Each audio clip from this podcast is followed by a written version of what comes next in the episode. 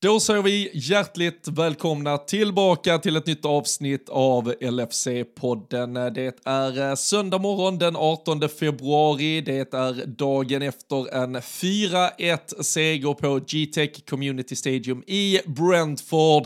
Det är också dagen efter en lördag där alla övriga titelkandidater var i farten. Eh, Arsenal pulveriserade Burnley, men Manchester City fick bara ett hemma mot Chelsea. Vart det lämnar eh, titelstriden, eh, det lär vi diskutera här eh, kommande timme. Och framförallt såklart också så ska vi försöka bena ut statusen på Liverpool-spelarna efter att vi både innan och under match fick ett eh, par frånfälle på grund av eh, olika skador. Eh, ni kanske hör även på den här rösten att eh, viss eh, skadeproblematik finns. Det, det, är en eh, sliten röst men den ska försöka göra sitt bästa för att ta sig igenom den här eh, timmen vi har framför oss. Men jag eh, kanske kommer låta ge mer eh, spelutrymme och speltid till vår allas stora Borås-favorit Daniel Forsell istället. Eh, det kan vara en röst som behöver vilas lite, så är det. Men tillsammans med er, tillsammans som alltid med LFC.se, supporterklubben, den stora fina röda familj vi har i Sverige, så uh, står vi gemensamt bakom LFC-podden. Vi tar oss uh, in i det som uh, förutom en vecka med mer Premier League-fotboll framförallt också är en finalvecka och när vi både blickar bakåt och framåt så lär vi få en riktigt trevlig stund tillsammans. Så sätt er till rätta, gör eh, kanske som vi gör. Vi tar en morgonkopp kaffe eller så befinner ni er någon annanstans i livet när ni lyssnar på detta. Vad ni än gör, sätt er till rätta i alla fall och så uh, lyssnar ni in ett uh, nytt avsnitt av LFC-podden.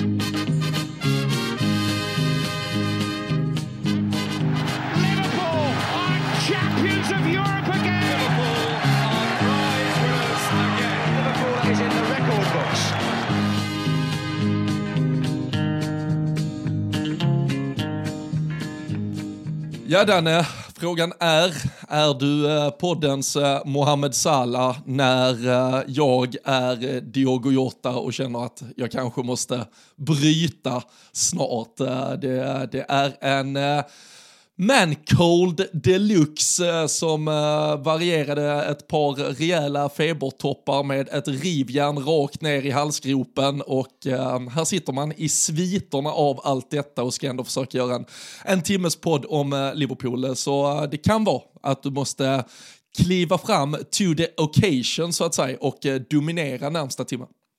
Ja, men det känns ju som att eh, vi har det lite tuffare med. För det är ju inte så att du bara kan bli utburen på bår här och så liksom lämna lämna planen och eh, alltihopa till, eh, till nästa man liksom. Utan du, du sitter ändå här och, och kämpar på. Liksom. Du får spela lite halvskadad här och då, då gäller det ju att man steppar upp såklart härifrån eh, ifrån Borås. Det gäller ju att man gör en Salla-insats. Eh, att man går in och blir, eh, blir man of the match där på de, eh, ja men vad blir det, drygt 50 minuterna man får, man får prestera. Och det är väl någonting liknande som vi ska kunna leverera här idag. Så ja men absolut, man är redo. Hans frisyr är lite bättre än min, även skäggväxten såklart. Men nej, jag, jag ska ändå försöka så gott det går och, och leverera på samma sätt som han gör i sin comeback. Jag såg, uh, på tal om vi, vi brukar, det finns ju uh, olika anledningar till det såklart. Uh, framförallt så är det ju för att han är uh, så jävla briljant allt som oftast. Men man brukar ju landa i ganska rolig statistik kring uh, Mohamed Salah och att han kommer tillbaka sådär lite low key, gör ett plus ett. Det, det, det är väl bara så Mohamed Salah fungerar. Och eh, samtidigt under lördagen så kan vi ju notera i det där titelracet som vi pratar om, Bukayo Saka gjorde ju två mål för Arsenal har eh, visat fin form eh, de senaste veckorna. Det, det, det ses väl som de två bästa högeryttrarna i eh, den här ligan. Och då såg jag TNT Sports som de har ju en, en del av det där rättighetspaketet i ehm, i England i alla fall. Och då skickade de ut Since the start of the 21-22 season, Bukayo Saka and Mohamed Salah are the only two Premier League players to have registered 40 goals, alltså minst 40 mål, och eh, 30 assist. Alltså den kombinationen, 40 plus 30, de är de enda två. Då tänker man så, shit, alltså de har ändå gått head to head nu här i, mm. vad blir det, två och en halv säsong. De är, de är på liknande siffror var det ju någon som hade subtweetat den bara sådär. Saka har alltså 40 plus 31, Salah har 79 plus 41. Man bara så varför är den här statistiken relevant när Salah har dubbelt så mycket av allting? Nej. Bara för att Saka nu uppenbarligen är den enda som har nått upp till någon second best-nivå här. Nej, det är faktiskt helt sjukt att man ens... Eh, det, det blir ju som du säger, de lyfter ju hans eh, nivå egentligen. Och så, så är de lite så här... Då är de tvungna att ta med Only Mosala också. För att de vill ju egentligen bara, bara få ut att Saka är i någon sorts eh, bra form där. Och så vill man inte riktigt berätta hela sanningen. Det var ju, det var ju däremot, om du såg det i, igår, det var ju van Dijk gjorde ju sin 250 match och slog ju Sala på eh, antal vunna där. Vad fasen var det? 171 tror jag. Jag har det inte framför mig nu av dem. Det är ju drygt 70 procent. Det får man ju säga är en, en god siffra för, eh, för den gode kaptenen eh, när, när han kan ha liksom ett rekord som, som Sala inte heller kommer kunna ta eftersom Sala redan har, är med på den där listan. Så det är ju, Sala det är fick ju lite, alltså vi får ju ursäkta så här, Sala fick ju också spela i det, det, det halvt värdelösa Liverpool. En, en liten stund i alla fall. Van, Van Dijk kommer ju ändå in och vara slutbrickan på bygget. Från, från där och fram. Jag kan tänka mig, nu vet jag inte om Allison har kommit upp i 250, det lär han inte ha gjort då, väl? Jag tror inte han var med på den listan. Mm, nej, För han är ju annars det. liksom det absolut sista i det bygget, så frågan är om han kommer slå det när han kommer upp på det. Ja, men det är faktiskt sant. Och så känns det också som att det är... Jo, fast Allison måste ju fan vara uppe på det. Det kan han ju inte, med tanke på att van Dijk var för fan out i ett år. Ja, ah. det var det. Jag kommer fan inte ihåg eh, hur eh, han låg på listan. Är det att han är med? Vi får, vi får jo, se det här fan, efterhand. Jag tror fan Alisson var tvåa på listan. Ja. Eh, slagen Annars... med typ fyra segrar av van Dijk. Annars hade det varit mer relevant att det hade varit tvärtom egentligen. För det känns ju som att det är utan Alice som vi ofta tappar, eh, tappar de matcherna. Men det som du säger, just det när, när van Dijk är out, då har vi ju en period som inte heller är suverän på något sätt såklart. Vi hade en hel del förluster där som, som ju Alisson var med och det även eh, om eh, minns man ju sig tillbaka lite bara när, när allt det tragiska kring hans eh, familjesituation, pappa och sånt hände så var det ju också en, en tid när det var ett par, det var ju typ i, i samtidigt där när det var ett par eh, matcher som, nej men som absolut inte gick åt rätt håll men det är fan helt otroligt ändå när man tittar. Frågan är hur det är bland andra så här större... Nu, nu sitter man ju bara och gissar och liksom eh, har noll, noll på benen för det. Men undrar hur det är under andra större sådana här eror. Hur, eh, det, det sitter ju nu såklart. Där är det säkert många spelare som skulle kunna hamna på de siffrorna. Men historiskt så är det ju inte jättevanligt om man tänker på de poängskördarna och så vidare som, som vi har haft under de sista åren att det kan, eh, nej men att det kan vara lika mycket. För jag menar, du, förr räknar du ändå med så här, okej, okay, du får inte förlora över fem matcher typ, för sa man ju ofta. Då, då kan man inte vinna ligan typ. Men idag handlar det om om typ två matcher istället. Och jag menar du, du tar mycket fler poäng. Och det, sen är det i och för sig då mycket, kanske fler matcher. Om man, för detta var väl totala, totala matcher var det va? Inte bara, eller var det bara Nej, inte bara ligamatcher? Det kan det inte vara nej. nej men det är, det är klart. Kan, där... vi, vi, kan bara snabbt ta den. Det är alltså på de som då har spelat 250, det var precis som Alisson är precis där bakom. Men, uh, på, på sina då första 250 matcher för Liverpool, van Dijk 171 segrar. Uh, segrar. Uh, Trent han nådde ju också 250 bara nyligen häromveckan, uh, 168. Allison 164, Mané 163, Robertson också 163, Mohamed Salah 162. Sen kommer ju, alltså på tal om det här med generational uh, lagbygge liksom, Alan Kennedy 160, Steve McMahon 155, Ian Rush 153. Det är ju helt så, sjukt. Så de här spelarna som är jävligt mer beprydda med, med titelvinnande uh, utmärkelser och pokaler hit och dit och uh, storslagna insatser både i England och Europa de behövde ju inte vinna på när så många fotbollsmatcher för att få ett jävligt mycket bättre utfall. Nej men vad hamnar vi där sa du? Var det sex, eh, sex spelare typ? Eller sex, sju gubbar eller någonting? Från som var denna för, generationens Liverpool ja, som är de så... bästa i historien helt enkelt.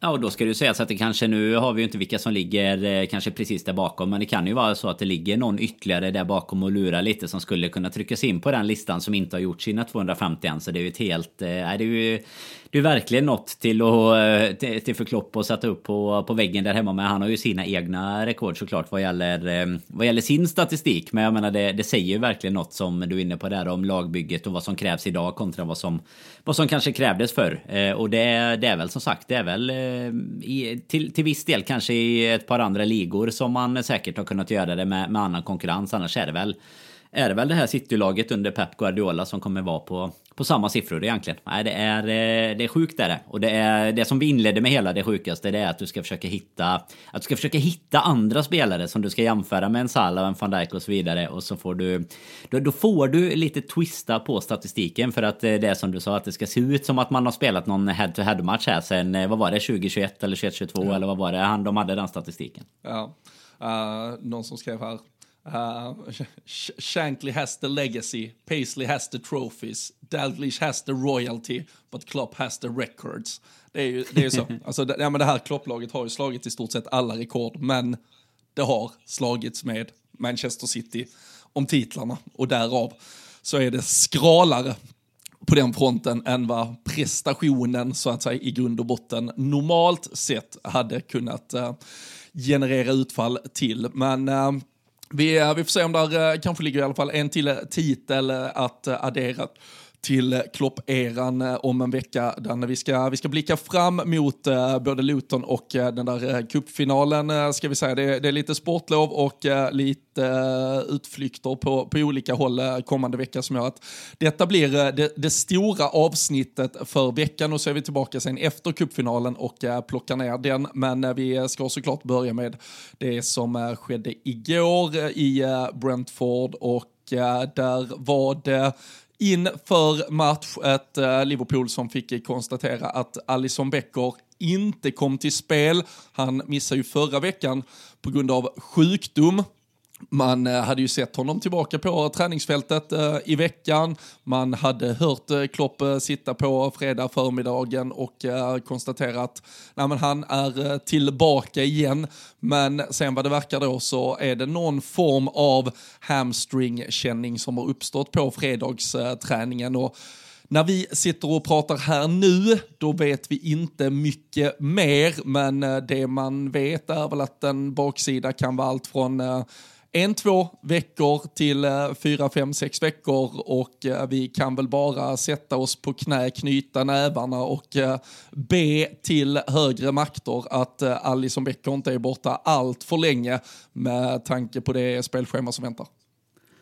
Ja, och tyvärr har vi ju konstaterat genom åren här att just hamstringskador är ju som du säger, det känns som att det är ett ett lotteri liksom. Man har ju ingen aning om, eh, om det rör sig om att han skulle kunna spela på, på onsdag eller till finalen eller om det handlar om eh, två månader i stort sett. Utan det känns som att det är någonting man behöver vara väldigt försiktig med och eh, det är ju, nej det är, det är ju egentligen bara ett, en gissningslek här när han kan komma tillbaka. Men det var ju en, man, man trodde ju att han skulle vara tillbaka som du säger och det är väl inte att han då inte ens är med i, i truppen och sådär. Det är ju kanske inget gott inget gott tecken utan eh, man får väl bara hoppas att han i alla fall är tillbaka till eh, till finalen nästa helg. Eh, helt enkelt om en, om en vecka när vi sitter här idag. För Luton är väl en... Det, det, känns som det är något vi ska kunna manövrera Sen är vi väl ändå. rätt säkra på att han ändå inte hade spelat finalen va? Eller? Ja, men jag, jag vet inte. Det är ju det som vi diskuterade innan det här med alltså hur... Jag tycker att han skulle göra det, men jag är helt säker ja. på att Keller hade spelat i Ja, jag fick ju, jag fick ju rätt assist på att eh, Keller spelar, så att jo, det är väl, det är väl kanske sant i, i det läget. Men det ja, oavsett i alla fall så kommer vi behöva tillbaka honom ganska så snart, får vi ju säga. För att eh, det, nu börjar snart Europa League och lite sånt här med, så nu blir det, blir det matchande i eh, full fart här. Men vi gör ju det ändå, alltså jag, jag tycker som i Igår till exempel gör ju ändå Keller en, en bättre match än vad han har gjort de sista tycker jag. Nu eh, det, vid målet får han ju ingen hjälp alls. Han gör ju någon, någon bra räddning där först. Ja, och sen har han ju inte... räddning på regions eh, första. Ja, exakt först där och sen har han ju inte jättemycket att göra. De filmade ju någon gång, det var lite duvor som gick runt och pickade nere i, i något hörne där. Det var alla kring honom. För det var ju inte jättemycket att göra innan, eh, innan dess. Även om det var inte var så direkt att vi hade jättemycket heller till en eh, början. Alltså var spelförande och så. Men det var lite hörner, lite, ändå lite mer boll åt det hållet. Men eh, nej, jag, jag tror väl att med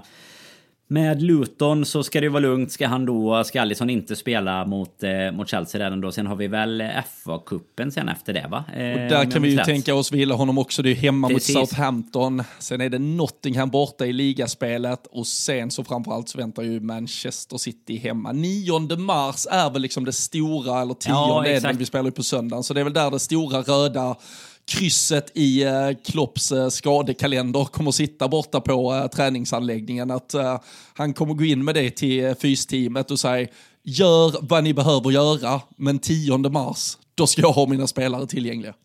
Ja, men det är väl lite så det känns. För men nu har vi Allison och sen kommer vi komma in på allt som hände här under matchen. Liksom. Vi får se lite med Darwin här. Vi får ju se med Jota. Vad, den är man ju mer orolig för såklart. Med vad, vad det var som hände just i, i situationen. Sen kan det vara lika illa med, med andra spelare även fast man inte vet om det. Men just eh, det, det börjar bli lite manfall samtidigt som vi, som vi har diskuterat innan har haft eh, såklart då lite flyt med att eh, andra steppar upp under tiden. Nu får vi tillbaks världens bästa fotbollsspelare kanske här under tiden som, som Jota går sönder och han eh, levererar ju direkt Salah så att eh, vi, vi, vi pusslar ju liksom så här med, med det vi har. Vi spelar verkligen på marginalen när vissa spelare försvinner känns det som. Men vi har haft lite flyt med, med tajmingen såklart. Men det, det återstår ju att se lite där. Vi diskuterade ju lite innan vi, vi tryckte på räck här också kring eh, Darwins eh, status. Det kom ju kom ut vissa som menar på att det skulle vara någon typ av skada medans eh, ett, en, liksom ett diskussionsämne snarare var att vi om det skulle vara något eller om vi hade bestämt oss för att och kanske vila honom till viss del under matchen så hade vi redan behövt göra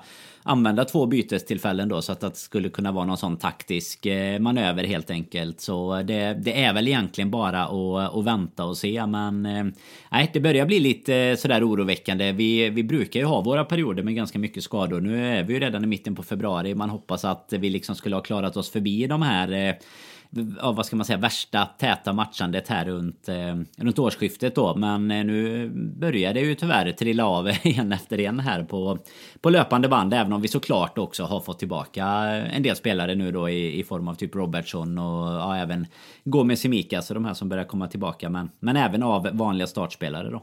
Ja, och det som känns, det som känns extra surt i det, för jag tycker ändå där är en stor skillnad mot om man tittar på alltså för att dra en jämförelse, ett, ett, lag som Newcastle till exempel som ganska tidigt gick på knä och så har de spelat, de spelar i stort sett samma elva vecka in vecka ut och man kände bara alltså det här är uh, accident waiting to happen, alltså ni kommer bränna det här laget rakt in i en jävla bergsmur om ett mm. par veckor och mycket riktigt blev det väl ungefär så i alla fall. Jag tycker ändå, och då är även siffror visat på hur Liverpool har varit extrema i rotationen under säsongen. Eh, jag vet att vi för någon vecka sedan tog upp de där siffrorna och vi hade väl, alltså om vi var uppe på ungefär 200 förändringar, det vill säga så om du gör tre förändringar från förra veckan så adderar vi tre, tre poäng så att säga på den skalan och så gör du kanske fyra förändringar till nästa vecka, då är det ytterligare fyra. Så. Och Liverpool låg ju då för ett par veckor sedan på ungefär då 200 bytesförändringar under säsongen medan lag två på den listan låg på 140-150. Så vi, vi är ju överlägset det laget som har liksom snurrat,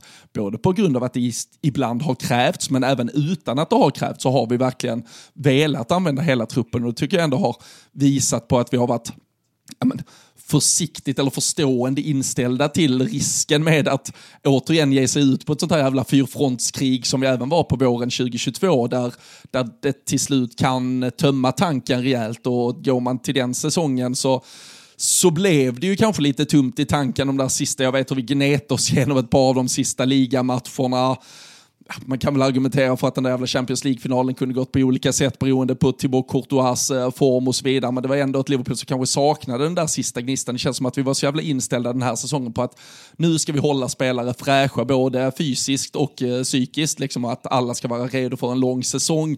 Och därför känns det nästan extra orättvist att vi då ändå ryker på så här många skador. Och där det i vissa fall är lite freaks. Alltså så här, mm. Hur ofta blir din målvakt både sjuk, sen drar en baksida, han har haft något frånfälle tidigare.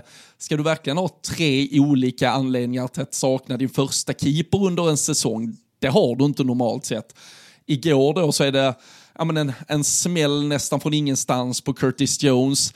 Det är en jävla pissituation på Jota där det egentligen först är typ egna spelare som smäller ihop och så kommer det liksom ett danskt jävla köttberg och landar på knät i en olycklig situation. Och man bara det, det, det, är ju till stor jävla del otur. Man känner de här när det kommer rapporter från träningsfältet att sju pers har dragit sin baksida, då är det ju så här, okej okay, men nu får ni fan se över hur ni har lagt upp den här träningen, men nu det känns snarare i alla fall, jag har svårt, alltså tro mig, jag har ju lätt att välja mörkret i det här och hänga ut någon jävel för att laget är feltränat eller någonting. Men här känns det verkligen bara som jävligt mycket otur.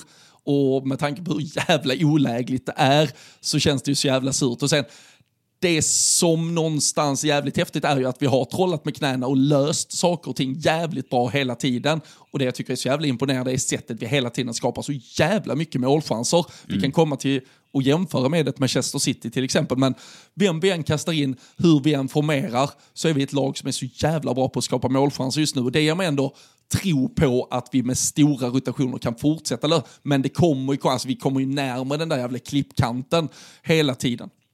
Ja, men det som också ligger, eh, tycker jag, i jämförelsen där som du säger med skadorna. Det är, nu har vi ju redan då eh, Soboslaj och Trent utöver Allison liksom borta som, som kanske helt givna startspelare inför matchen i, i övrigt då. då. Mm, när man pratar liksom och jämför typen av skador tycker jag det är centrala där. För som du är inne på Newcastle är väl prime-exemplet på ett lag där man bara väntade på att det skulle hända. De spelar liksom varenda match i alla turneringar eh, med, med exakt samma startelva. Det var liksom så här överbelastningsskador. Att det blir, att det kommer då, det är ju inte, det är inte helt oväntat. Men vi har ju varit inne mycket på att Klopp har använt sin, alltså både truppen och använt matcherna, använt bytena på, på ett så jäkla rätt sätt. Och då är det ju lite som, som du är inne på där vad, vad gäller, eh, vad gäller liksom en, en klippkant som vi kanske närmar oss. Liksom att vi, att vi har lite oflyt med skador, att vi har lite oflyt, eller oflyt kan man ju inte kalla det när spelare försvinner på mästerskap. För det, det visste vi om och kunde planera för. Men det, det är ändå sådär att du inte kan värva fyra extra spelare för att låta dem sitta på bänken och sen eventuellt spela när, när ändå Salah och så vidare är, är borta liksom. Men det som, eh, som då är, eh, ja, som du är inne på, att gla, där glaset inte är halvtomt utan där det är halvfullt, det är ju att det spelar ju just nu vad det känns som och, och verkligen har varit så även när, när Salah har varit borta framförallt då som har varit, varit våran eh, poängmaskin i i alla år här så känns det som att det spelar inte så där jättestor roll vad vi kastar in utan vi fortsätter att pumpa på samma sätt. Jag menar nu utöver att Salah gör sina poäng så gör ju Gack på mål och assist eh, hinner han väl till och med också med att göra innan där i Mm. igår och vi, vi gör det ändå på, alltså så här, vi vinner med 4-1 borta i en match där vi ändå får liksom ett par sådana avbräck. Vi har ändå både eller vi, om vi nu antar då att Darwin av någon anledning, oavsett om det skadade eller inte, så var vi ändå lite halvtvungna att göra bytet där och då i halvlek. Så det är liksom Jota och Nunes som är våra, kanske på förhand då, som man ser som de farliga utöver Salla som kommer in. De liksom försvunna vid halvtid och ändå lyckas vi fortsätta pumpa på på en arena där vi liksom inte har, har vunnit sen Brentford kom upp igen. Liksom. Det är ändå ett erkänt, ett erkänt starkt lag hemma liksom. Så att det, det känns ändå, och vi vinner ändå med 4-1. Jag menar visst, Arsenal har ju hittat någon sorts, eh, någon sorts form här när de eh, har pulveriserat i, i två raka, både West Ham och Burnley här. Men liksom vi, vi gör ju ändå, alltså tittar du på på både matchen och på slutresultat och sådär så gör vi ju en, en match mycket enklare än vad man kanske hade kunnat förvänta sig på, på förhand. Och det är ju precis som det du är inne på. Alltså vi skapar ju chanser ur extremt lite eh, många gånger också. Vi lyckas spela oss igenom alltså de här, det som man har suttit här och svurit över i många, många år. Det här att vi kanske spelar runt mycket eller att vi inte lyckas ta oss fram och, och ens nå typ fyra chanser på en match. Jag menar nu är vi fyra mål istället och har väl i alla fall dubbelt så mycket dubbelt så mycket skott och, och, en del farliga chanser till. Liksom. Det, vi har ju hittat någon typ av lösning. För man ska ju också veta, jag menar nu eh, tar man 1-0 målet som både är eh, både liksom är helt eh, sjukt sett till hur Brentford typ har släppt hela sin, eh, sin egen planhalva och sen ska vi inte snacka om avslut och sånt om vi ska snacka om sjuka grejer i, i vad Darwin väljer att göra där. Men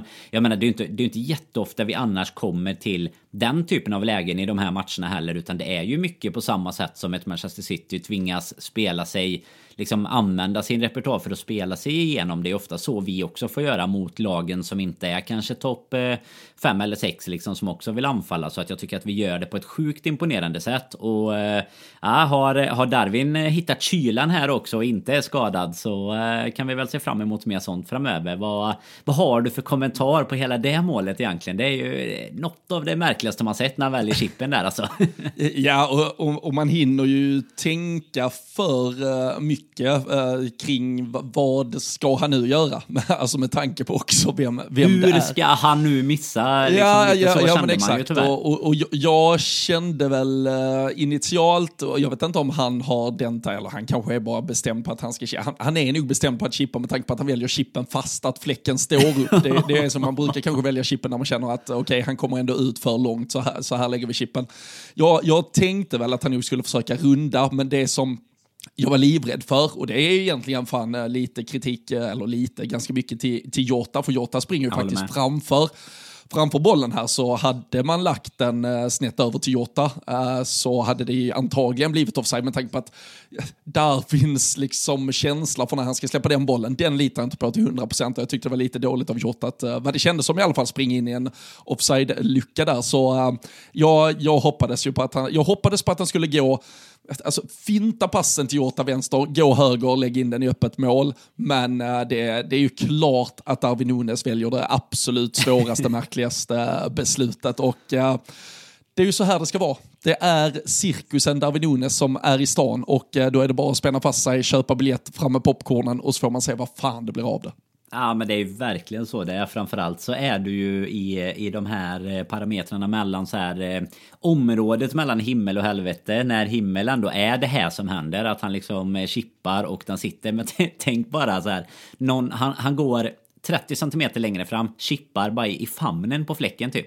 Att han bara så här, han plockat ja, ner bollen och han... upp den på läktaren. Ja, ja men det, det, är också, ja, men det är också liksom, men att han, att han bara annars hade så här, du ser att han kommer helt fri, och han bara chippar den i famnen på fläcken och fläcken ja. bara typ står där och ser förvånad ut och bara tackar, tackar. Alltså så här, det, det är sån det är så små marginaler till att man hade tyckt att det var, alltså man tycker väl lite, jag ska inte kalla, jag absolut inte säga att det var ett idiotbeslut, men det var kanske inte det väntade beslutet att eh, chippa, precis som du är inne på. Det väljer man ju kanske när man ser att målvakten är på, på väg ner eller någonting. Men, eh, och det blir ju hur snyggt som helst, så det är ju absolut inget att, att klaga på. Men man, eh, man känner ju att det är väldigt nära att, att det hade kunnat gå värre än så. Sen jag, jag trodde faktiskt att han skulle passa, som det du är inne på, var också lite, lite så här, tyckte det var konstigt att Jota inte kunde hålla i eh, löpningen lite. För det ger ju... Är det så som vi, vi kan hoppas att det är. Vi kan ju säga att det var så i efterhand i alla fall. Att Darwin kanske tänker att han ska passa men ser att Jota ligger liksom misstänkt eh, offside. Helt, typ. Så helt, det, det lär ju inte, det lär inte vara så. Det, det är för mycket beröm till ja. Eh, Darwin Nunes liksom, eh, kapacitet att uh, vi måste ge känna in situationen. Tror jag, vi måste ge han det när han har gjort det drömmålet där. Men alltså om, om det är så att han har den tanken och ser att han ligger lite snett framför då, då är det ju fan det. Jota måste ha lite kyla där för de är ju ändå helt fria. Sen ska Jota däremot har sjukt mycket hyllningar för sitt eh, assist. Det är ju en jättebra nick eh, ner till Darwin där och att vi att vi kan, som vi så många gånger har gjort förr och suttit här och pratat om, kan utnyttja vårt omställningsspel i den här typen av matcher också. Där vi vet att det kommer bli tight med, med spel annars kring deras straffområde. Så ehm, vi, vi, är ju som sagt, vi är ju starkast när vi har den här typen av läge mot oss och alla bara verkligen Alltså folk sätter fan bara fart. Man ser ju Darwin börjar ju från eget straffområde liksom och bara springer rakt fram redan innan bollen ens är på gång att den ska hamna mot Jota liksom. Så att vi har ju hela tiden en tanke på att vi vill eh, göra, alltså anfalla snabbt med våra kontringar och det är ju inte, det är inte sällan det går så här bra som det, som det gjorde nu. Det är ju klassiken vi brukar säga att motståndarlagets hörna är ju lite som en, en straff känns det ju som ibland när Alisson plockar in den, letar efter Salah och så har det blivit mål i andra änden istället. Men eh, nej, sen eh, gick det ju som det gick tyvärr för Jota och även du nämnde ju Jones i, i förbifarten här också. Det är ju ytterligare en spelare som vi vi kommer få se lite här hur, eh, hur lång tid eh, det kan bli på honom. Så det är ju egentligen alla, alla de tre där, Jones, Jota och Nunes, eh, blir ju, blir ju lite spännande att följa här. Både inför Luton men, men sen primärt också inför cupfinalen såklart nästa söndag. Mm. Ja, ja jag, såg, jag såg någon som skrev att uh, oh, det, såg, det såg riktigt illa ut på Jota. Det såg så illa ut så att han kanske till och med missar finalen. Jag var lite så alltså missar finalen, herregud. jag är mer missar säsongen, känner jag nog. Så missar han finalen bara, uh, inom citationstecken, så, ja. så är väl det nästan, för att jag, jag såg någon, man trillar alltid in på suspekta olika Twitterkonton och det var något eh, sånt här jävla uh, physio room-aktigt som, nu, nu kan jag inte alla de olika knätermerna engelskt översatt, man har ju lärt sig att ACL, det är ju korsbandet, enligt den här då i alla fall, så var det, det kunde man utesluta med tanke på, det, det, är ju jävligt lätt att sitta hemma på Twitterkammaren och utesluta ett korsband på, på en stillbild på hur någon dansk jävel landar på ens knä, men det, det är väl hur, hur knät böjs till då eh, och trycks ner eh, så att säga åt, åt fel håll. Men eh, då skulle det väl vara en MCL istället och eh, det fanns väl olika, tre olika grupperingar på det här då allvaret och då var det typ en till två veckor, tre till fyra veckor eller så kunde det vara fyra till tio veckor om det var någon grövre variant. Så vi, som sagt, lekmannaanalys, vi kan väl bara hoppas, men eh, Alltså, ska man vara, ska man vara eh, taskig här, alltså det är ju faktiskt med tanke på Mohamed Salah tillbaka så är det ju lättare för Liverpool just nu att ersätta ändå Diogo Jota, även om det är jävligt lyxigt att ha fem så vassa knivar i eh, den där lådan som vi potentiellt hade kunnat ha om alla hade varit fit for fight framåt. Men med tanke på Soboslaj out, med tanke på att uh, ja, men det där mittfältet, alltså, Thiago har vi ju aldrig räknat med, med tanke på att vi ändå kanske såg ett, ett scenario där Trent skulle kunna vara en spelare att trycka på, fram på mittfältet. Nu är han borta, Conor Bradley är trots allt tillbaka på högerbacksplatsen, men Curtis Jones med tanke på hans säsong och med tanke på vad han har visat kunna bidra med på det där mittfältet så är ju det faktiskt kanske en större, eller ett större tapp om det skulle vara långvarigt. Eh, alltså Diogo Jotas trots allt poängproduktion framåt, den bör vi kunna gå plus minus noll på, på att Mohamed Salah är tillbaka. Sen kan man tycka att de har olika egenskaper och att det är som sagt jävligt lyxigt att ha båda alternativen till den dagen då det tryter sig lite. Men Curtis Jones, just när man ser också att alternativet, ja men igår det var, det var att sätta in Gravenberg, tycker jag, jag, jag har ju alltid problem med att jag tycker att han har en liten loj uppsyn och inte känns som att han egentligen går på 100% alltid över hela matchen till slut så tycker jag att han gör en av sina bättre matcher. Han håller ändå mycket boll vid sina fötter. Han kontrollerar spelet, kontrollerar tempo ibland när det behövs och vi behöver andas. Men han är samtidigt, det är väl det som leder fram till målet, där han kommer in lite dåligt i ett pressspel och, och så vidare. Det, ja, I en match vi vinner med 4-1 finns det ingen anledning att hänga ut någon, men alternativen från bänken var ju trots allt Gravenbergs eller Harvey Elliott. Sen Harvey Elliott bidrar ju med något annat och jag förstår varför man inte kanske väljer som Klopp eh, att slänga på honom redan då efter eh, 20-25 minuter eller vad det är när Curtis kliver av.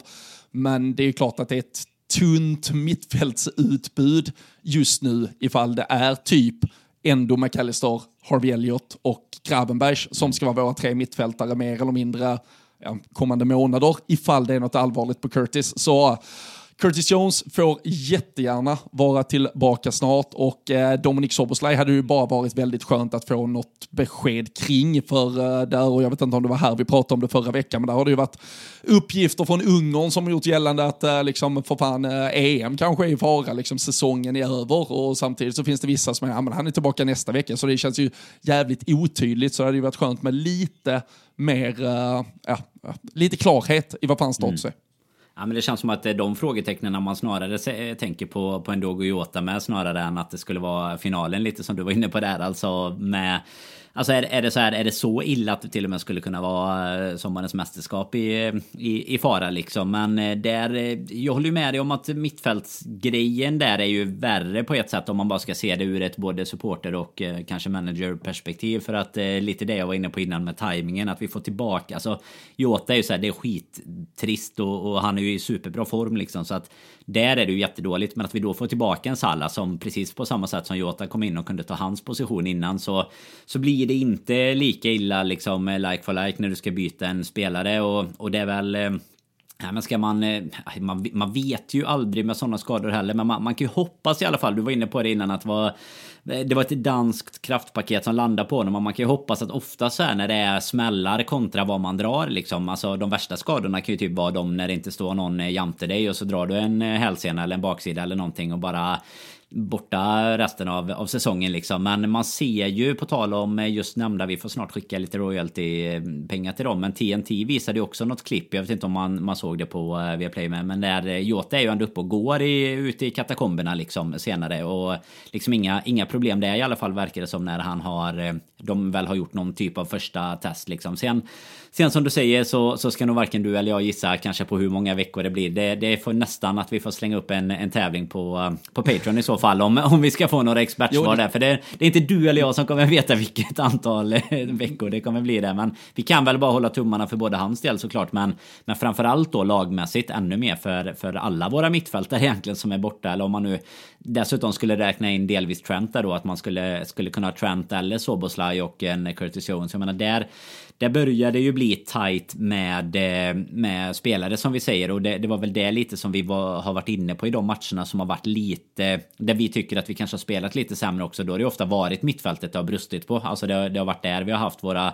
våra kanske större problem att eh, lyckas kontrollera och föra matchen. Och eh, då, då blir man ju lite orolig inför en eh, final som stundar till exempel. Och sen eh, som eh, det stora krysset som vi nämnde här om är drygt, ja det är ju mindre än eh, en och en halv månad. Men eh, ja, drygt en eh, månad kvar där. Så nej, fy fasen. Det, det måste det är, i alla fall bli lite... Det är mindre än en månad också. Då. Ja, det är tionde. Ja, det, ja, det är matten, vet du. Ja, det, är inte lätt. Det är inte lätt. Ja, nej, nej, men för fasen. Det är, det är ju viktigt att vi, att vi börjar få lite besked. Det är som du säger, det är jobbigt när man... Det, det känns väl lite klassiskt också att det ofta varit så eh, att det inte sipprar ut alldeles för mycket. Och ibland tror man att någon ska komma tillbaka efter en vecka och sen går det bara vecka på vecka på vecka. Men eh, man hade ju velat ha lite lugnande besked om, eh, om vissa av de här spelarna i alla fall så att man vet att det inte bara faller, typ faller bort liksom. Och så har det gått två månader och så har vi inte sett Trent. Även om, eh, om Bradley till exempel på hans position gör det bra. Men det börjar bli tunt med alternativ i alla fall. Så, så mycket kan vi konstatera.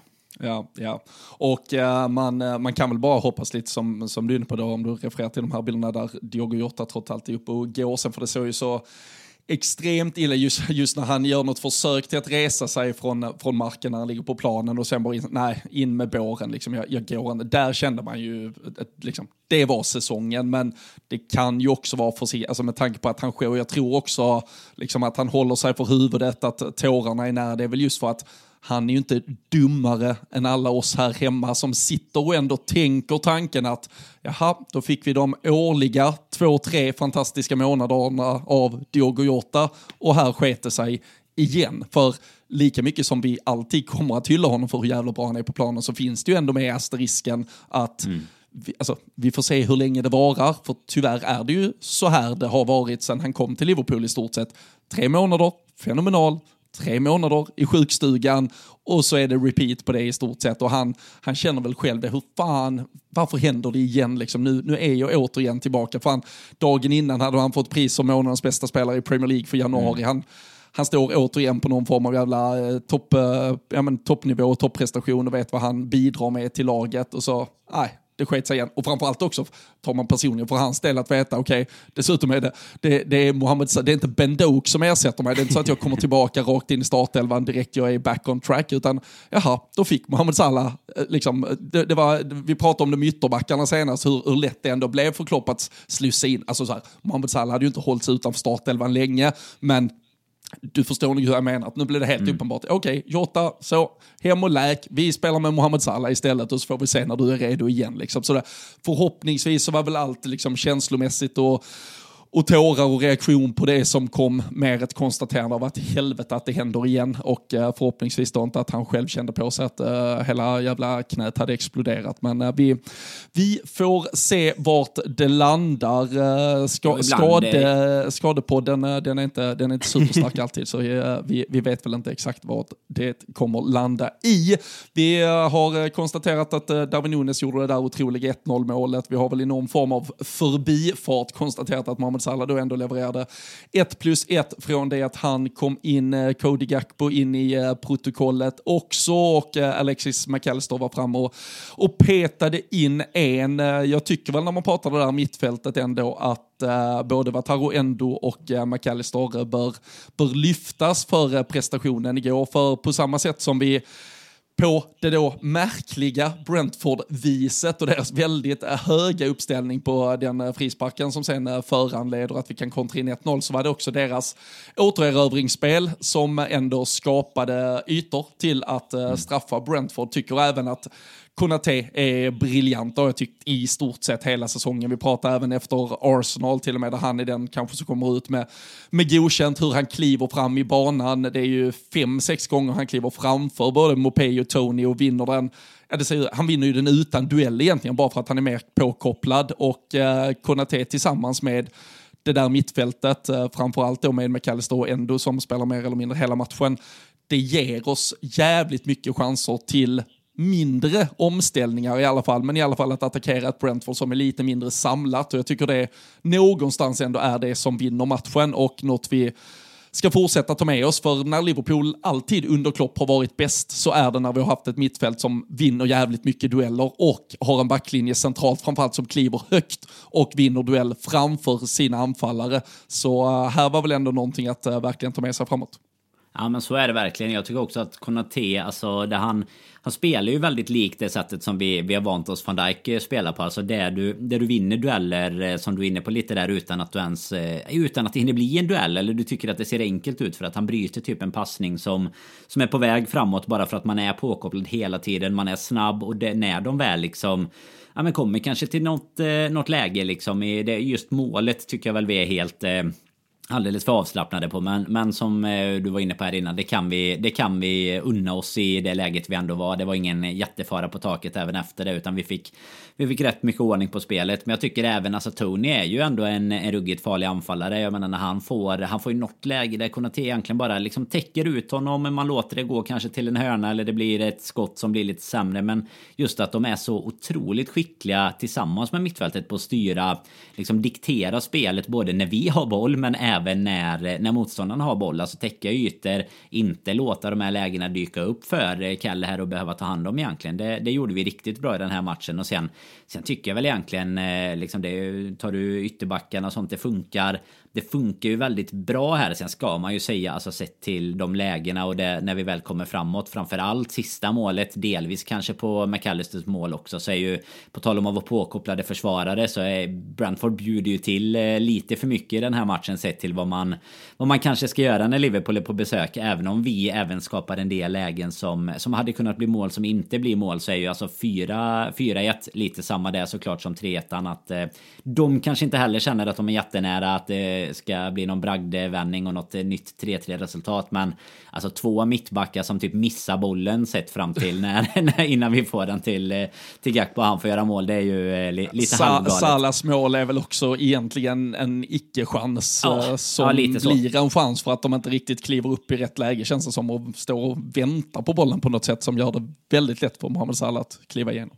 Och tyvärr är det väl så att det, är det någon gång du kommer ha, ha råd med det så kanske det är den här upplagan av, av Premier League. De ligger väl fortfarande en, eh, ett par, 5-6 poäng över nedflyttningsstrecket. Och det är fan frågan om vissa av de där lagen, Burnley såg man ju mot Arsenal direkt efter oss där. Även om jag tycker de gjorde en lite för bra match på Anfield sett till vad de, vad de egentligen ska kunna prestera verkar det ju som. Men eh, det är väl inget av de lagen som kommer upp i 25 poäng där nere. Inte, inte Sheffield och Burnley i alla fall. Sen kanske något av de sista då, Luton och Everton och vilka det är mer. Men eh, nej, det känns ju som att, Eh, att liksom den sämre delen av ligan eh, har det, har det väldigt tufft. De, eh, det, det, blir större skillnader känns det som nu. Även om vi är fler lag som tampas om det där uppe nu med Arsenal i, i racet med och ett par lag inte allt för långt bakom så känns det som att klasskillnaderna mellan bra och dålig börjar att utrönas ännu mer för att eh, det är just det, de har ju inte råd när, när det är ett eh, lag i, i vår form och med de, den typen av spelare så har man ju inte råd att inte vara påkopplad som du säger. När det,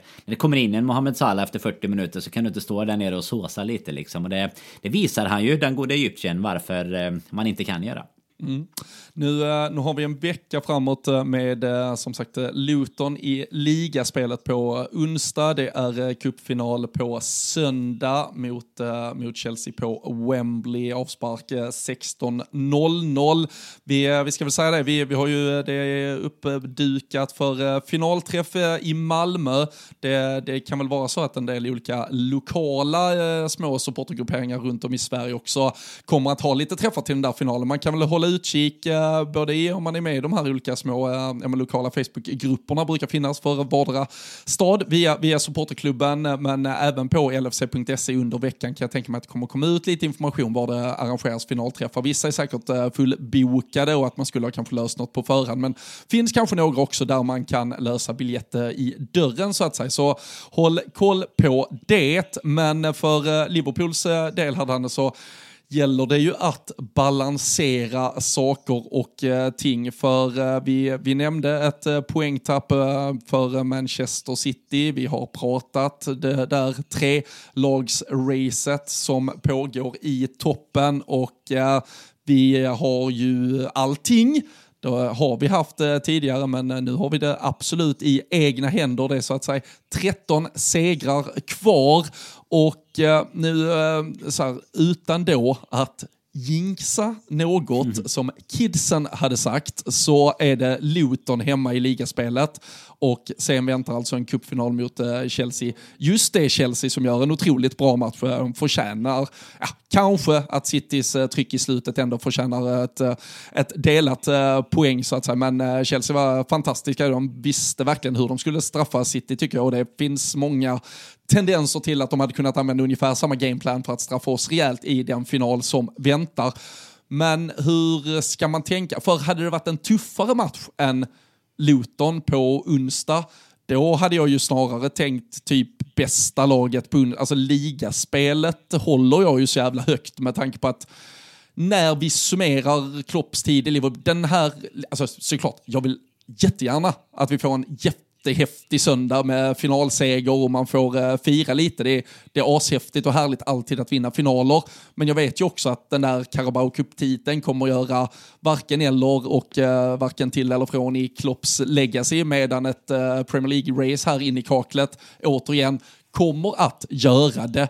Uh, hur Är du med på hur jag tänker kring att de här matchernas dignitet då ändå ska hållas, men att eftersom det trots allt är Luton på hemmaplan så kanske vi kan uh, tänka oss någon form av uh, ja, vila, om det nu är någon spelare som är på den periodiska gränsen mot någon fysisk uh, överbelastning. Men ja, balansen här, ligaspel, kuppspel, final, Ja, men där är jag med till 100% skulle jag säga egentligen. För att ligan, alltså där, man får ju se liksom vad har vi vad har vi peggat upp säsongen för när vi, när vi sitter liksom i mitten på februari? Jo, men vi har ju peggat upp det för att vi hade lite som du var inne på såklart. Vi hade det i egna händer även innan i och med att vi ska möta City. Men ja, nu, nu har vi det kanske då ännu mer även eh, poängmässigt när man tittar på deras hängmatch och sådär. Och, och inte att det automatiskt kommer bli mycket enklare bara för att vi har det i egna händer med 13 matcher kvar. Men det är fortfarande så att vi att vi kan titta på det och se att här har vi en väldigt bra och rejäl chans att göra något, eh, något riktigt bra av det här. Vi kan titta på motståndet. Eh, Arsenal som sagt i, i väldigt fin form just nu. Vi kan titta på City. De tappar poäng mot Chelsea oavsett om de nu... Om det ändå... Alltså Chelsea gör ju en supermatch som du säger sett ur förutsättningarna. Men det är ändå så sjukt att se hur City bara liksom pumpar på mot även sådana lag som, alltså visst Chelsea har, har haft den säsongen de har haft men ändå där, där de liksom bara står och matar vidare hela tiden. Det är ju eh, nästan otroligt ibland att det inte blir, blir fler farliga målchanser. Men här tycker men... jag fan, jag, jag satt och tänkte på, på det igår. Samtidigt så minns jag när vi mötte Chelsea för två veckor sedan ungefär och vi kunde ha gjort 20 mål på Chelsea. Ja. Alltså vi, vi, ibland sitter vi, och med all respekt ska vi hylla Manchester City många gånger. Men alltså vår match mot Chelsea, alltså vi, vi pulveriserar ju, alltså det är ju där Darwin Nunes har, vad har han, fyra, ja, fyra stolpträffar. Vi missar en straff, alltså, alltså, alltså vårt sätt att skapa målchanser finns det ingen just nu i världen som är bättre än Liverpool. Det, det ska jag säga. Och det, det är sån, sån jävla... Kontrollera matcher, vara dominanta och överläge så. Det var någon jävla period 75 till 85 igår där City hade 91-9 i bollinnehav. Där är de överlägsna bäst i världen. Men just målchanser, där, ingen tar det ifrån oss just nu hur jävla bra vi är på det. Det vill jag fan föra till det berömda protokollet. Ja, men protokollet ska ha det och jag tycker inte heller att det man, det man får glömma, eller det man inte får glömma där rättare sagt, är ju att eh, lag, alltså det, det, är klart att eh, lag som Chelsea, alla lag går in med olika taktiska förutsättningar i de olika matcherna med, vilket såklart tillåter, alltså jag menar att du har 91% boll under en viss tidsperiod spelar ju egentligen ingen roll så länge du inte, du inte gör något med den. För jag kan tänka mig också att väldigt många fler lag åker till Etihad och känner att här, vi låter City ha boll men vi ska fan skydda våra straffområde. Vi ska inte låta dem komma in. Så jag menar, där får man ju någonstans räkna farliga målchanser och hela, hela den biten istället. Men, nej, men lite det som vi sa, alltså hur vi ska lägga upp det nu mot Luton och Chelsea, så tycker jag ändå att så här, det, det vi har piggat upp för här nu med att vi ligger så, så pass bra i ligan, då håller jag absolut med om att ligaspelet är det det absoluta viktiga, alltså det är det viktiga, det är prioriteringen här. Men sen är det ju så att jag tror att vi ändå i en veckomatch mot Luton, i en match som, som kommer in liksom här innan alla Europaspel och sånt börjar igen, kanske hade gjort någon liten förändring. Nu, nu kanske vi tvingas till någon mer än vad vi, vad vi hade hoppats på, på grund av skador och sådär. Men jag menar att eh, Alltså tar vi, tar vi Allison till exempel så känns det väl som att det, det kanske är Keller. Det, det är ju mer så här, ja, vi har ingen aning om riktigt hur statusen på Allison är, men känner jag ändå att vi ska kunna överleva och med de bytena som vi till exempel gör i, i matchen i, igår då. Vi ponerar ju, alltså är Salah frisk så spelar han ju. Det var väl antagligen med tanke på att han ändå satt på bänken meningen att han kanske ska spela lite mot Luton också och, och kanske bli utbytt efter typ 60 istället. Men jag menar, tar du in honom istället för Jota där, du tar en Gravenbergs istället för en än Curtis Jones beroende på hans status då såklart. Så, och om vi räknar med att det är Darwin eller Gakpo eh, tillbaka då så, så kan du till och med om det skulle krävas unna dig att göra ytterligare någon eh, förändring tycker jag eh, i till exempel någon av mittbackarna om det är något fysiskt någon behöver vila. Sen vet vi ju att de här spelarna egentligen är vana vid att spela liksom två matcher i veckan. Det ska inte vara något konstigt, men, eh, ja, men lite beroende på fysisk status. Men jag känner ju inte precis som det du såklart suktade efter där innan. Jag känner ju inte samma oro för att när det är Luton, även om de nu tog poäng av oss eh, senast, men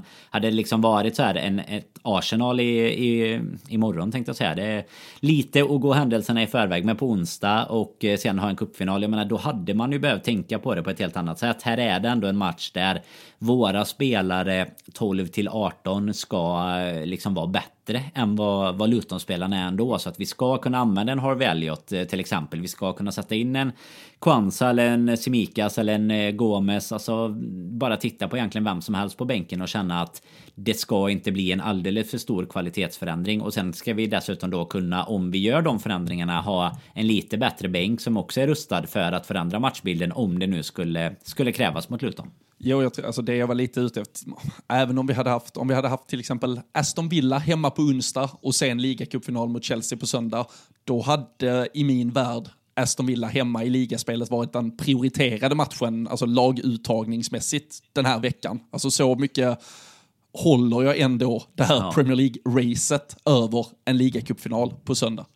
Ja, men absolut. Nej, men jag håller med. Det är ju det är ju viktigare, alltså tittar man på det till syvende och sist så är det ju roligare att vara med i, eh, i kampen om, eh, om ligaguldet här i maj än att eh, sitta med en ytterligare Carabao Cup-titel. Det är ju bara att konstatera hur bortskämt den låter, precis som du var inne på innan. Jag menar, har man just den dagen, den finalen, allt det kommer vara, vara jäkligt coolt och, och man vill ju ha alla titlar. Alltså man vill ju att all, allt ska fyllas på i prisskåpet, men ska man välja mellan ligan och, och ligacupen så tror jag inte att det finns någon som som skulle prioritera ligacupen högre även om det såklart är så att man ska ge sitt allt i, eh, i en final. Och vi kommer ju göra det oavsett menar jag. För där, där blir det ju lite så här, där är det ju 90 minuters fotboll som ändå ska, ska avgöra. Medan här har vi ju Ja men som sagt då 13 eh, finaler till liksom som vi ska, ska fortsätta med. Och sen dess, alltså, det, det är väl hela konstaterandet att du eh, du vill ju, du, du, kan ju liksom inte påverka lika mycket just, eh, nu är vi ju i bra form, men just digniteten, matchbilden i en final. Spelar Chelsea så pass bra som de eh, gjorde mot City snarare än så som när vi mötte dem senast så, så kommer de såklart ha en större chans. Jag menar det är så mycket,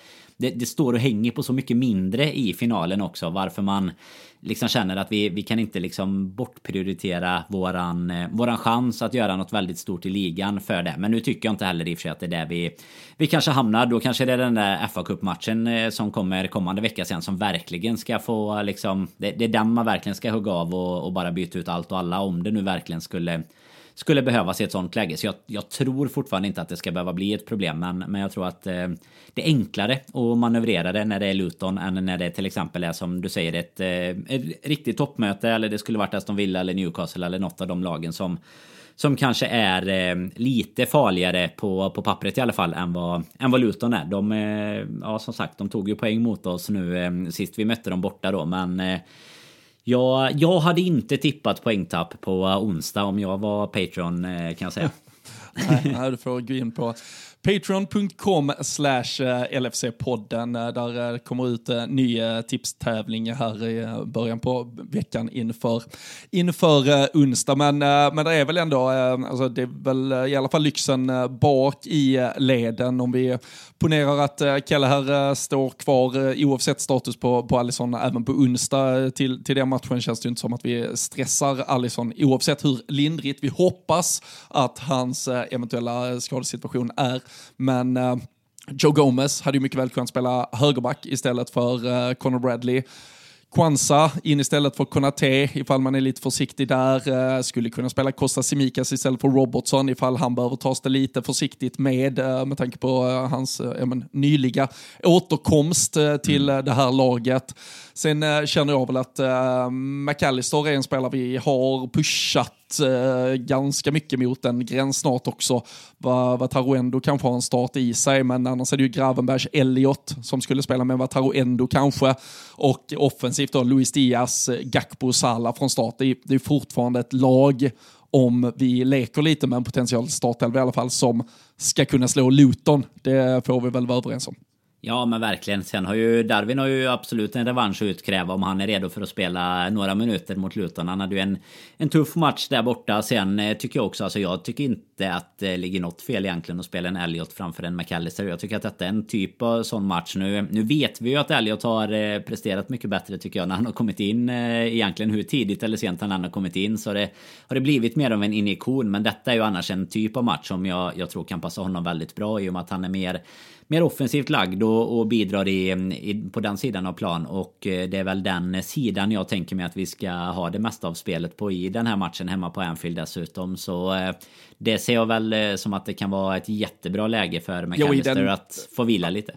Ja, och egentligen alltså är, är allas fysiska status, eh, alltså de, allas, de, de tillgängliga spelarnas fysiska status, eh, inget vi behöver ta för mycket in i beaktning, så, så är detta en match jag hellre egentligen startar McAllister som sexa och sätter ändå åt sidan och spelar i så fall mm. McAllister sexa och har Elliot och Gravenbergs framför sig. Och uh, för, för Elliot att få, får komma in då och spela i en, uh, i en, i en eh, roll där han eh, återigen får länka upp lite med Mohamed Salah på den där högerkanten så, så finns väl där alla möjligheter för att vi ska kunna hitta fram någonting. Men jag, jag ser ju i alla fall att Klopp vill starta både Endo och McAllister i finalen på söndag. Så frågan är hur vem av dem, för med tanke på vår numerär så kommer vi nog inte runt att kunna vila båda två på onsdag. Men vill han vila en av dem så, så finns väl ändå den möjligheten i alla fall. Så, så får vi se, ligger väl lite press på Luis Diaz också att fortsätta. Han, han måste väl egentligen starta för att vi ska få ihop den offensiva mm. numerären. Känns väl som den av dem där framme kanske nu, forcerar han ju in ett mål eh, senast mot Burnley men eh, som har fått kanske minst utväxling eh, offensivt. Det hade väl inte varit helt fel heller om han fick dunka dit den. Det var ju just mot Luton han kom in där i slutet. Det var ju efter hela den här eh, ja, men, tragiska jävla situationen kring, kring hans pappa och allt vad som hände där som han kom in och eh, tog den där poängen till oss i alla fall. Uh, men uh, hade väl varit skönt om han också fick dunka dit ett inför uh, finalen. Men ja, vi, det, det, är inte mycket att trolla med vad gäller startelvan nu. Man märker att man får ihop en ganska vettig elva till Luton. Men där sitter ju inte nio alternativ på bänken sen som skakar om den där matchbilden allt för mycket.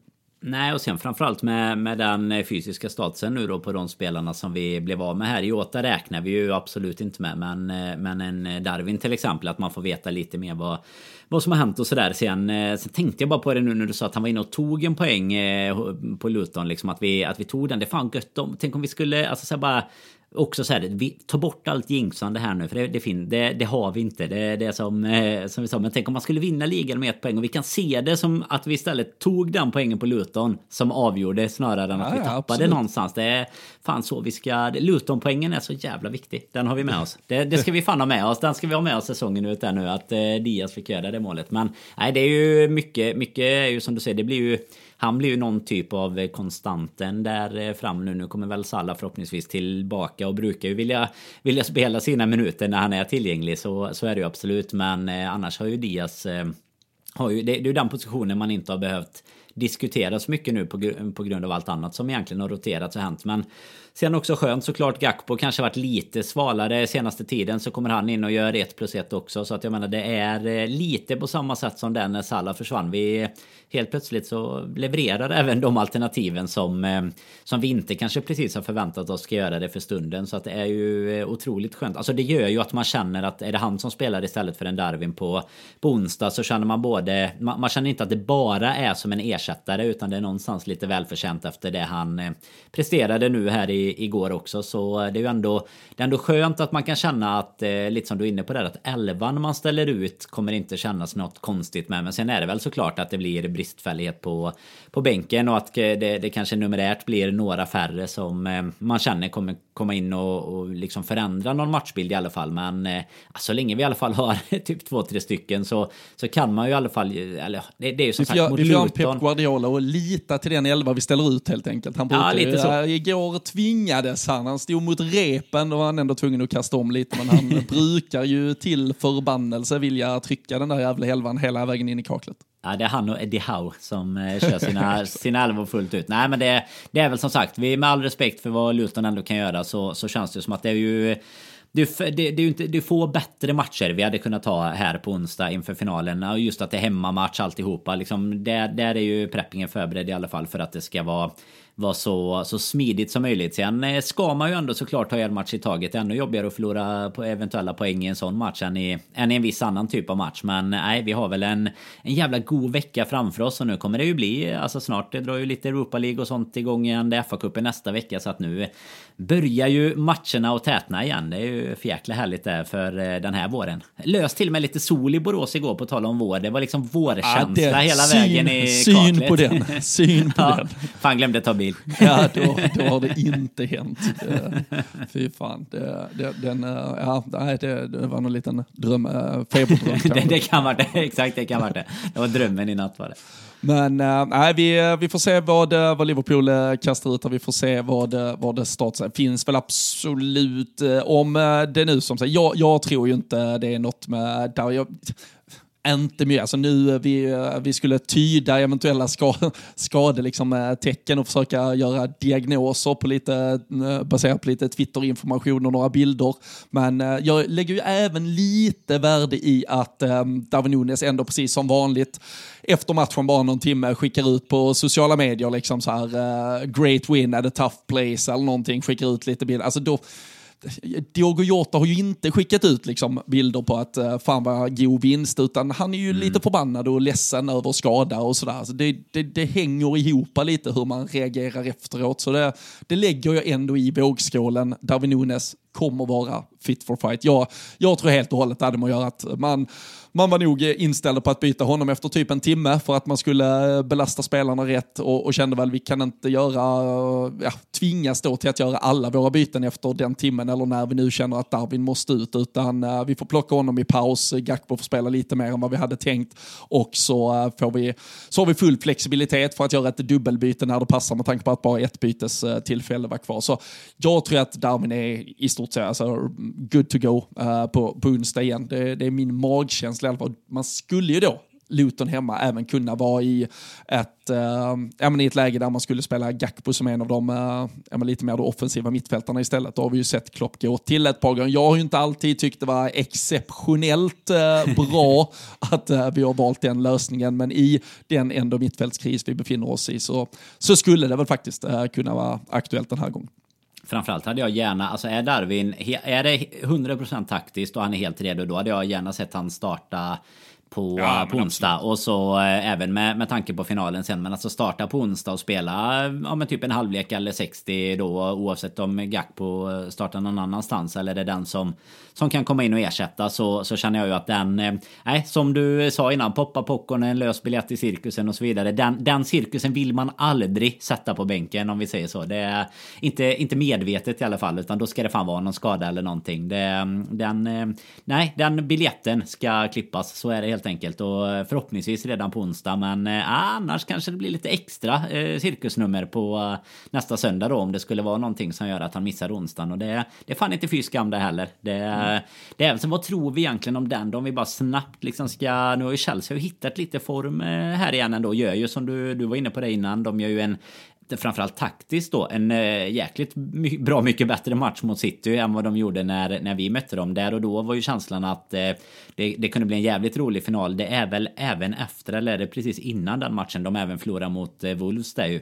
Det är ju direkt efter de, de har mött ja, direkt efter det där. Det var, och sen det var deras ju... sätt att studsa tillbaka. Ja, men precis. Men sen däremot efter det har de ju studsat tillbaka lite. Det var La Villa i, i kuppen där, sen vinner de ju ligan. Och så nu då får man ju, ja, och det är ju visst, det är två mål på övertid eh, och, och sådär kunde ju varit. Det, på tal om liksom graderna mellan himmel och helvete så hade ju 1-1 mot Pallas som har varit eh, riktigt under isen det sista. Varit ett jättedåligt resultat och istället vinner de med, med 3-1. Men sen är det väl egentligen matchen i, igår då man kan fokusera på ändå se att de har ja, hittat någon typ av eh, taktik i det där som innan bara var ett eh, kaos liksom. Och de har ju ett par spelare som, eh, som ändå har presterat och varit rätt farliga. Men känslan måste ju ändå vara att vi går in som, eh, som ganska rejäla favoriter eh, nästan fan tänkte jag säga oavsett vilka, vilka som kan stå på planen så länge det är en Mohamed Salah med i, i ekvationen i alla fall.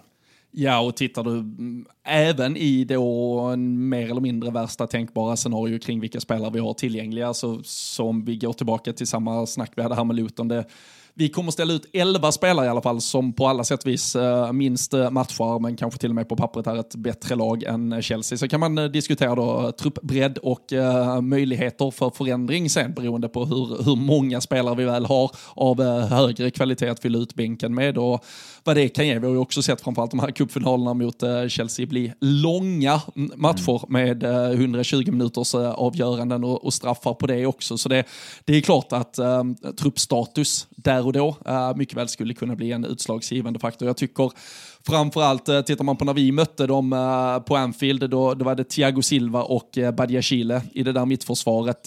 Jag tyckte det var hädiskt uselt, både i sättet de spelade försvarsspel och uh, framförallt hur svaga de var i sin speluppbyggnad. Nu hade de ju Dissasi och Levi Colwill istället i det där mittförsvaret och jag tyckte de var ruskigt bra äh, mot äh, City. De spelar med liksom energi, pondus, eh, de, de var heltaggade eh, liksom rakt igenom medan det här Badiachile, Thiago Silva, mittlåset eh, kändes mer som de bara ville ja, men ge upp, lägga sig ner och dö och kapitulera och hatade livet kring allt som hade med Chelsea och fotboll att göra i stort sett. Så känns det ändå som att de har gjort ett par, alltså liksom inga det är inga revolutionerande förändringar, men med två, tre olika liksom, spelare in, ut i det där så har de ändå fått på plats en, en enhet tycker jag som verkar visa att de vill någonting i den där jävla Chelsea-tröjan. Och, och bara det kan ju i alla fall vara skillnaden på att du får, du får fan kämpa in på 90 plus tillägg för att kanske mm. välta ett lag än att du vandrar igenom dem som vi, gjorde på Anfield och skapade i stort sett 10 klara målchanser. Så det,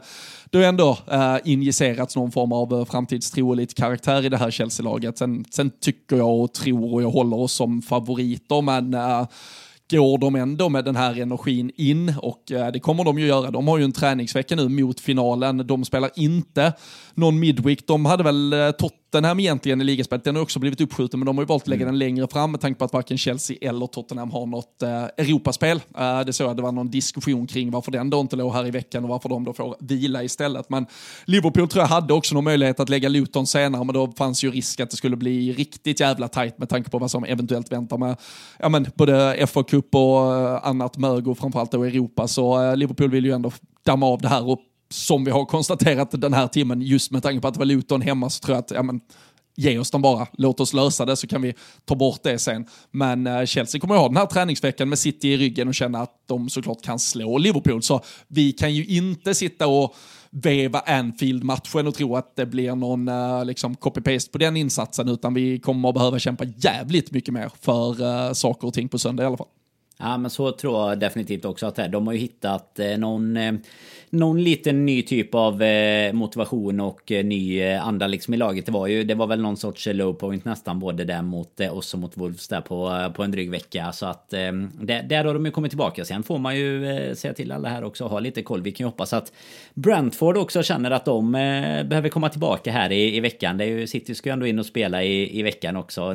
På tal om titelracet snarare än ligacupen då. Så kommer ju spela innan oss här. Det är väl på tisdag redan va, som de spelar. Så att då Får man hålla lite koll kanske vi kan eh, skapa ytterligare en lucka. Och om du får välja, ska, då, då ska ja. jag ge dig en sån här. Mm. Du får välja på antingen City vinner, äh, vi, vinner, vi vinner över Luton. Den är liksom utom äh, tävlan här. Det, det ska bara göra. Men så får du välja då på dubben. City vinner mot Brentford och vi vinner ligacupfinalen. Eller Brentford vinner mot City och Chelsea vinner ligacupfinalen. Ja, men jag, alltså det, det, det, här kommer jag inte kunna veta innan ligan egentligen slut. Men ska jag välja här och nu så vinner vi, då vinner vi ligacupfinalen och så får City vinna sin match. För det är ändå det jag räknar med kommer att hända. Så att det känner jag inte... Det, eller just City-matchen menar jag räknar jag med att det kommer att hända. Så då gör det mig inte så mycket i livet. Sen hade det såklart varit bra att fått ett försprång. Men hade du valt eh, annorlunda? Ja, hundra procent. Ja, alltså, ja, men City tappar ju typ inte på alltså det. Jag, jag utgår hela tiden ifrån att de går rent in i mål. Alltså, skulle de, vad har vi just nu? Vi har ju, vinner de sin uh, game in hand, då leder de ändå med två. En Förlorar. Ja, just det, de tappar ju fan. Jag hade, nej, det är fel av mig. Jag räknade ju med att de bara skulle vinna, va? Igår. Det var därför, tror jag. Precis. Nej, alltså så vinner, tappar de då en gång till och vi vinner, då har vi alltså fem plus på dem. Nej, det, det tar jag alla Nej, dagar men fan, i veckan. De har, de har ju 53, eh, vi 57 nu. Så de har en poäng om, vi, om de eh, om de vinner. Ja men precis, okej okay, och så förlorar de mot eh, Brentford, vi vinner ja, ja. mot Luton. Då är vi... Eh, då är vi, ja, då är vi ändå fyra framför liksom. Ja, då även vi... om de vinner sin game in hand. Ja, ja, precis. Även mm. om de vinner den, ja. Och så har ju vi dem dessutom. Och då, kan vi till och med, eh, då skulle vi potentiellt kunna förlora mot dem ja. på Anfield och ändå ha Exakt. det i egna händer. Nej, det tar ju alla dagar i veckan. Men ingen ligacupfinal. Ingen ligacuptitel. Vet vad Danne, jag kommer ändå ha det så jävla trevligt. Vi har bokat bord ja. efter eh, och ska ut och äta och ha det gött eh, vad som än händer där. Så nej, men uh, vi, vi får se. Det kan väl vara ett diskussionsämne för folk där hemma att ta med sig till veckans fotbollssnack vad, man, vad man hade valt där. Men in på patreon.com slash LFC-podden, tippa resultat. Vi ska in där nu Dan och rätta vem som vann. Du, det har jag gjort redan. Ja, du har gjort jag har det. Gjort redan. Jajamän, under tiden här. Men... outa vinnaren också. Det kan vi alldeles strax göra. vi ska se, jag ganska... Jag ska bara, man vill ju inte sitta här i, i livesändning och säga fel. Jag vet att han hette Krona i efternamn. Kan det varit Tommy kanske vi ska Tommy se? Krona, ring Tommy, Tommy Krona är det, ja. Jajamän, det var faktiskt eh, fler än jag hade trott som satte 1-4. Det var typ 3-4 stycken. Men eh, minuten, den klassiska, fick avgöra och det var skilde typ två två, tre minuter någonting för Tommy bara. Så att eh, det är eh, strax när vi har lite uppgifter en tröja på väg till eh, Tommy. Ja, men det är legend.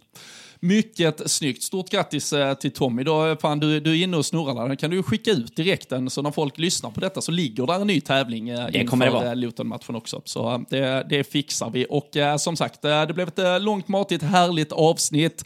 Ta med er detta i den vecka som nu eventuellt ska ge Liverpool säsongens första titel och vi får nya svar på hur maktbalansen i titelstriden kommer att se ut när vi går eh, vidare i den här eh, härliga säsongen. Vi älskar att ha den här stunden med er. Vi är eh, jättetacksamma för att ni lyssnar inne på Patreon, förutom att vara med på de här jävla tipstävlingarna som vi kör, som i jävla betyder att de är jävligt trevliga och absolut inget annat. Men så är man medlem där eller hoppar in och supportar lite så ger mig också ett litet bidrag till podden och eh, gör det möjligt för oss att eh, fortsätta med dessa. Så gillar man LFC-podden så gå in på patreon.com slash LFC-podden. Visa att ni stöttar den här verksamheten så rullar vi på hela den här härliga säsongen in i mål tillsammans med er. Nu eh, får ni ha en riktigt skön start på ny vecka. Sportlov på många håll. Njut av det. Jag ska sticka till varmare breddgrader, Danne ladda upp inför finalen. Raka vägen hem till finalen. Stor finalträff i Malmö. Vilken jävla vecka man har framför sig va? Ja, det låter ju hur bra som helst. Sportlov för alla som bor i Boråstrakten har redan varit här vecka sju. Så att det är ju bara in och, in och gnugga i gruvan igen eh, måndag. Ja, men med, med LFC-podden i lurarna så, så dessutom diskussions... Ja, och så dessutom det här diskussionsämnet kring... Eh, du vet, eh, Brentford ja, vinner exakt. och det, då har man den diskussionen och tar lite på, på kafferasterna här under veckan så blir det väl inte bättre än så. Fy fan vilken vecka! Ja, nej, det är en dundervecka som väntar. Så stort tack för att ni är med och uh, lyssnar. Vi uh, hörs och ses snart igen.